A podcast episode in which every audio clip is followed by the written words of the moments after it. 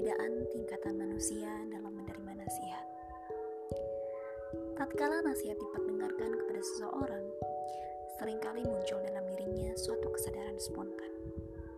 Namun, tatkala ia keluar dari majelis ilmu, hatinya kembali mengeras dan membatu. Saya merenungi sebabnya. Rupanya, manusia berbeda-beda kondisinya ketika mendengarkan ujangan dan nasihat maupun setelah mendengarkannya. Renungan dan refleksi saya sampai pada dua kesimpulan. Pertama, nasihat itu laksana cemeti.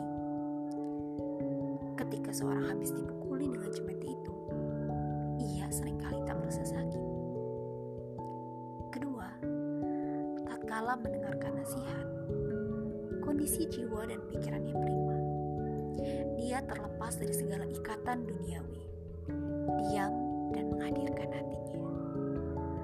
Namun, tatkala kembali disebutkan dengan urusan dunia, penyakit lamanya kambuh. Kondisi demikian dapat menimpa setiap orang. Hanya mereka yang memiliki kesadaran tinggilah yang bisa mengatasi pengaruh-pengaruh duniawi tersebut. Ada yang bertekad kuat untuk kukuh, berpegang pada prinsip yang telah diyakininya, lalu berjalan tanpa menoleh-noleh lagi. Ia akan memberontak jika perilakunya tidak lagi sesuai dengan tabiat diri, seperti Hanzalah yang mulai mengecam dirinya. Hanzalah telah munafik. Ada pula yang terkadang masih terseret kelalaian akibat pengaruh tabiat diri.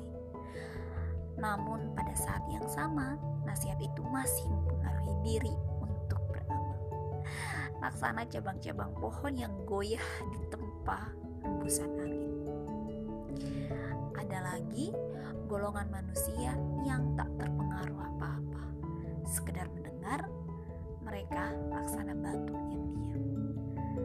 Dunia atau akhirat lebih menarik mana?